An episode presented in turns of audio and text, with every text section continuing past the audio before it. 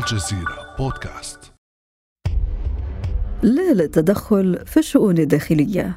عبارة تلخص نمط الشراكات الاقتصادية بين الصين والقارة السمراء. قروض بلا فوائد استثمارات في البنى التحتية ومساعدات إنسانية. كلها دون قيود أو شروط سياسية.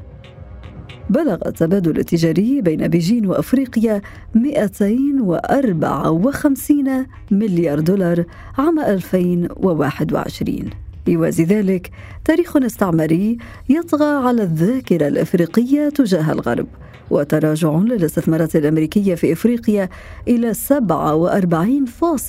مليار دولار عام 2020 مقابل 141 مليار دولار في 2008 فما رمزية القمة الأمريكية الأفريقية الأخيرة في الصراع الصيني الأمريكي؟ وهل تنجح الولايات المتحدة في كبح تصاعد النفوذ الصيني في إفريقيا؟ وكيف يمكن للأفارقة الاستفادة من هذا الصراع؟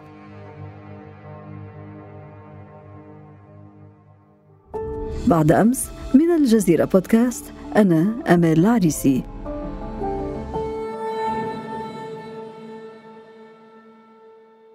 أسعد في هذه الحلقة باستضافة الدكتور محمد الشرقاوي أستاذ تسوية النزاعات الدولية بجامعة جورج ميسون الأمريكية. أهلا وسهلا بك دكتور شرقاوي. أهلا وسهلا صباح الخير. نورت الاستوديو دكتور شرقاوي. أهلا وسهلا. بداية دكتور شرقاوي ما الذي تعنيه القمة الأمريكية الأفريقية الأخيرة في سياق الصراع الصيني الأمريكي؟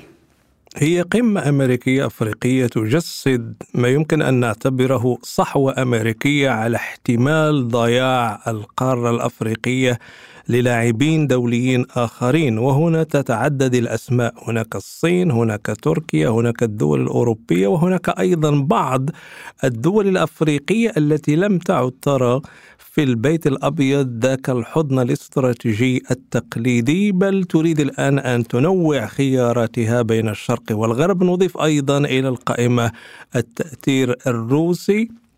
نحن الآن في مفترق طرق خاصة وقد نمنا لثلاثين عاما ونصحو اليوم على أن ما سمي بما بعد الحرب الباردة post Cold War مرحلة لم تستقر على توافقات وعلى ميزان قوة.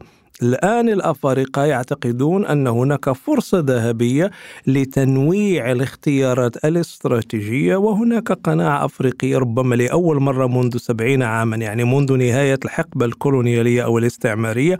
بأن هذه الدول تستطيع أن تشكل قطبا يختار كيف يستثمر في علاقاته الخارجية وكيف يبني تحالفاته. فهناك الصين الآن التي تقدم نوع من البراغماتية أو بمعنى العلاقات العملية. هناك مشروعات اقتصادية هناك أسواق هناك أيضا مساعدات مادية عينية. لذلك الأفارقة الآن يشعرون أنهم لم يعودوا في ظل حقبة الصراعات الأيديولوجية الاشتراكية والشيوعية والرأسمالية والليبرالية ابتعدنا عن العصر الأيديولوجي ودخلنا الآن إلى عصر البراغماتيه على مستوى المصالح. يقول المثل دكتور شرقاوي أن تأتي متاخرا خير من أن لا تأتي.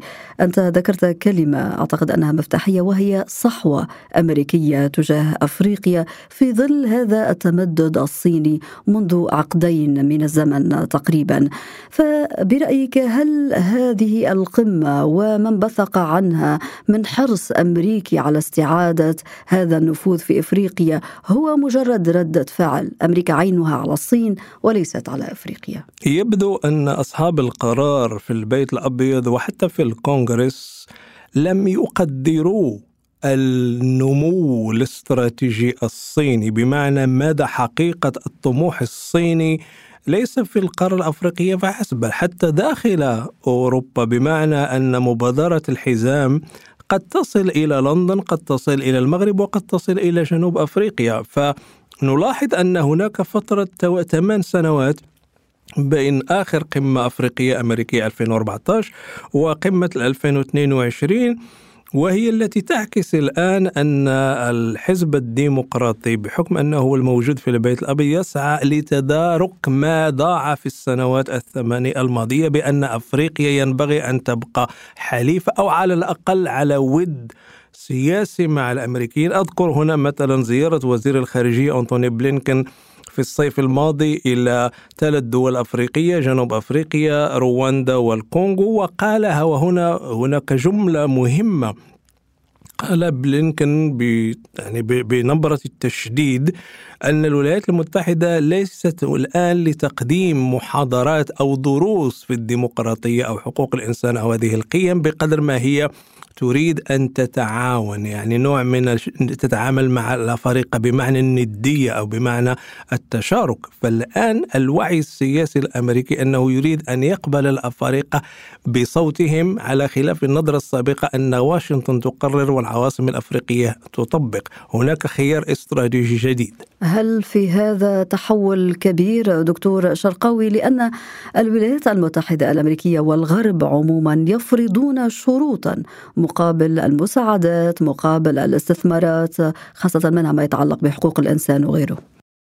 لم تأتي الصحوة الأمريكية بطريقة طوعية بل جاءت بحكم الحاجة أو بحكم الضرورة.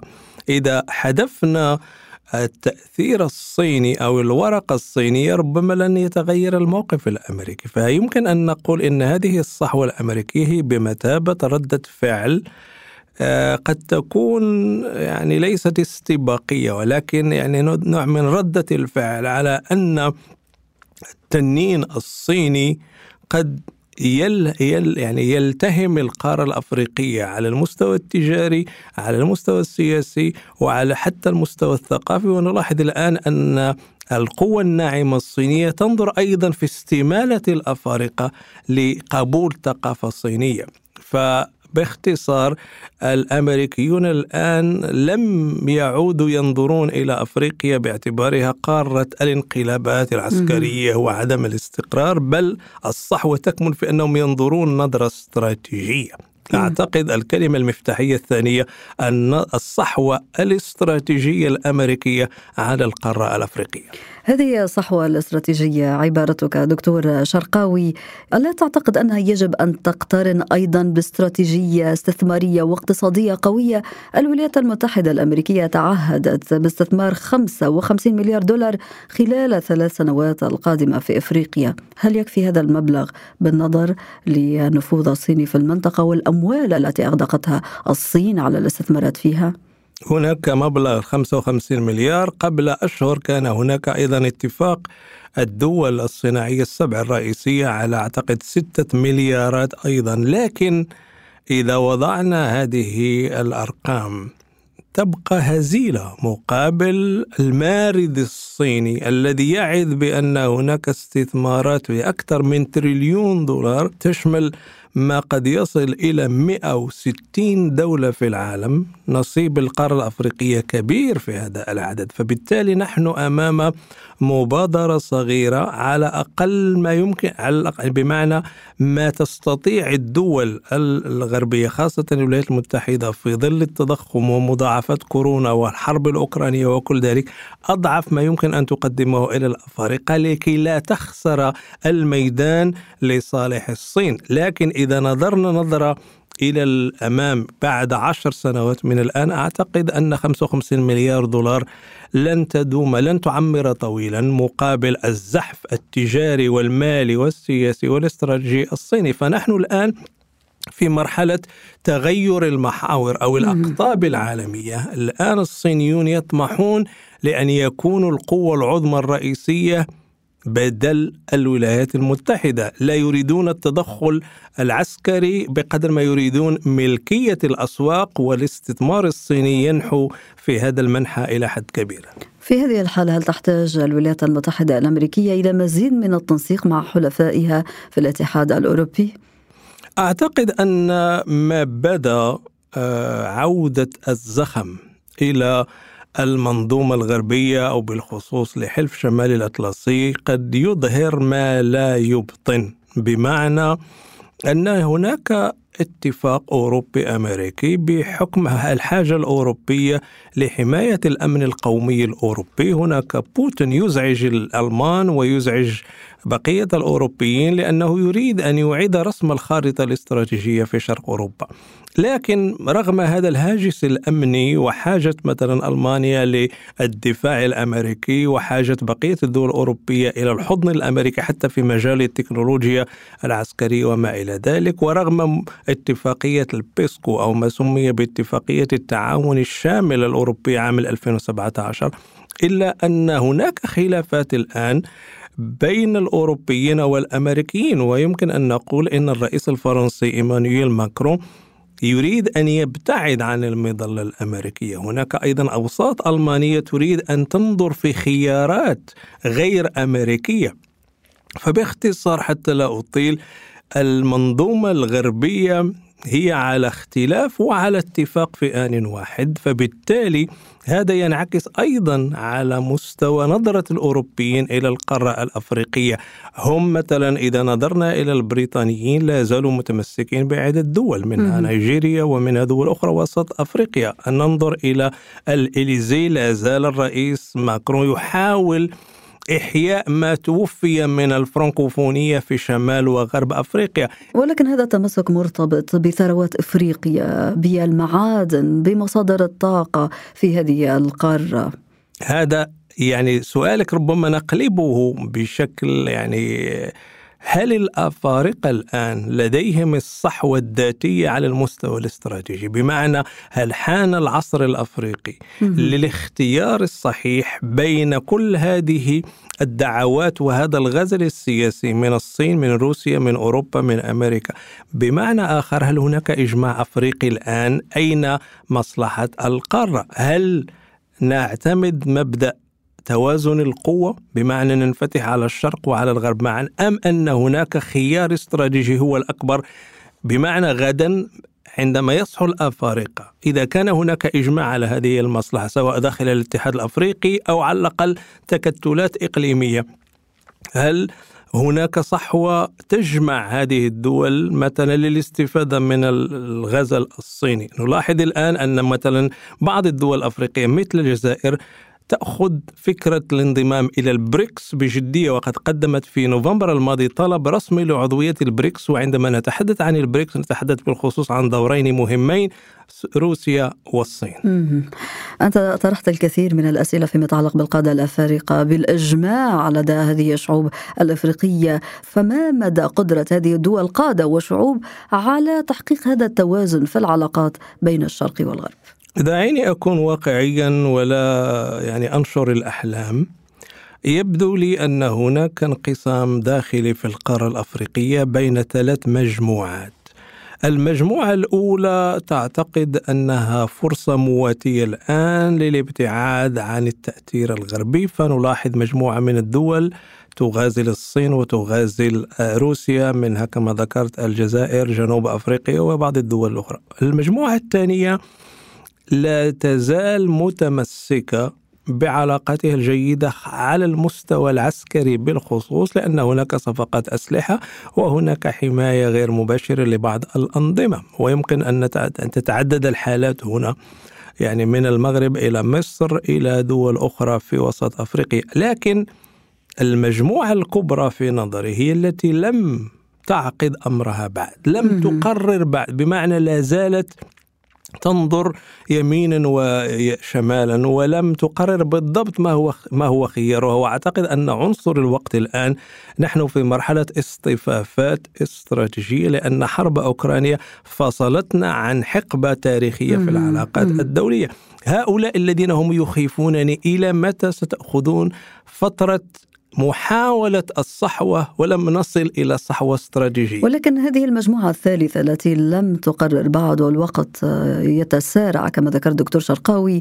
برأيك آه، أليس هذا تردد مبررا آه، بالنظر إلى مخاوف بعض القادة الإفريقيين من ما بات يعرف مثلا بفخ الديون الصينية المسألة ليست فقط آه، مالية أو اقتصادية. أعتقد أن ما يربط القارة الأفريقية فيها العنصر البشري. القارة الأفريقية هي الأكثر فتوة على مستوى الأعمار وهناك الآن أوروبا القارة العجوز. ولاحظنا أن أوروبا تحتاج إلى آه، ليس فقط إلى خامات مادية بل أيضا خامات ذهنية، اذا العنصر البشري لصالح أفريقيا وليس لصالح أوروبا. أيضا المشكلة حتى لا أطيل أن هناك بعض العلاقات التاريخية بين مجموعة من النخب الأفريقية مع شخصيات ومع أحزاب ومع مؤسسات في الولايات المتحدة أو في أوروبا وهي التي لا تستطيع قطع حبل الوريد مع هؤلاء إذا نحن لازلنا أيضا وإن ابتعدنا بسبعين عاما عن الفترة الاستعمارية لا زالت هناك تبعيات وتبعيات صغيرة بين عاصمة أفريقية وأخرى مقابل دول أوروبا وأمريكا. هذا التحول هو الذي لم يحدث بعد بمعنى أنه يصعب على هؤلاء التخلص من هذه التبعية. وأيضا الانفتاح لأنهم لا يضمنون شيء لأن الصينيين وإن كانوا أناس طيبين لا يعملون إلا بلغة الأرقام وبلغة الحسم البراغماتي. ليست هناك نخوة أو أريحية. فحتى تصل أفريقيا إلى مرحلة صحوة استراتيجية حقيقية عليها أن تتبنى التفكير العقلاني النقدي وأعتقد أن هذه النخب الأفريقية لم تصل إلى هذا البعد في تحديد قراءة جديدة وقراءة واقعية للعلاقات الدولية. إذا الوجود الصيني في أفريقيا ليس طوبويا الصحوة الأمريكية صحوة استراتيجية. في المقابل لم تحدث بعد هذه الصحوة الاستراتيجية على مستوى القادة الأفريقيين على الأقل دكتور شرقاوي. فكيف برأيك يمكن للدول الأفريقية أن تستفيد في آخر المطاف من هذا الصراع الصيني الأمريكي على النفوذ في القارة؟ سؤالك ذكي يحيلنا على نقطة ينبغي الحسم فيها. هل وصلنا في العواصم الأفريقية إلى مرحلة عبور الجسر من حكم الشخصيات إلى حكم المؤسسات؟ بمعنى آخر لدينا وزارات ولدينا حكومات وأحزاب ونخب سياسية ومجتمع مدني و و وهل مجرى. هل نستطيع الآن أن نتنبأ أو نأمل أن هناك قرارات تنبني على عمل المؤسسات وليس على مزاج الأشخاص؟ هنا أعتقد هي المشكلة. بمعنى آخر الحسم هل ننفتح على الصين على روسيا على أوروبا على أمريكا أم عليهم جميعا بطريقة أو بأخرى؟ هي هل لدينا فكر مؤسساتي؟ هل هناك رؤية تنبني على دراسات وعلى أهل خبرة وعلى معايير الجودة في إدارة هذه العلاقات هذا ما ينقصنا. لماذا؟ لأن أغلب القرار أغلب القرارات الأفريقية نجد فيها المزاج الشخصي على حساب البعد المؤسساتي. فإذا من الناحية التاريخية لا نتحدث داخل نفس النسق الزماني. أزمنة مختلفة نتعامل و نسقط عليها نحن في عام 2023 لكن بعض العقليات لا تزال عام 65 و70 وهل مجر والوقت يتسارع دكتور شرقاوي ولا يبدو أنه سينتظر احدا في ظل كل هذه المتغيرات التي تحدثت عنها ولكن نتفق في آخر هذا النقاش على أن للأفارقة فرصة ذهبية كما قلت منذ البداية دكتور شرقاوي. ذهبية هذه الفرصة هل هناك قفز على كل الخلافات المحلية والإقليمية. هل هناك صحوه بأن هناك حقيقة الآن؟ أن تصبح أفريقيا قطبا عالميا كبقية الأقطاب. بمعنى الصين وروسيا وأوروبا وأمريكا هل من زمن القطب الأفريقي الذي يقف أو كما قال مارسيل خليفة يمشي منتصب القامة؟ الدكتور محمد شرقاوي أستاذ تسوية النزاعات الدولية بجامعة جورج ميسون الأمريكية. شكرا جزيلا لك على هذه الحلقة المفيدة والممتعة. شكرا. أهلا وسهلا. كان هذا بعد أمس.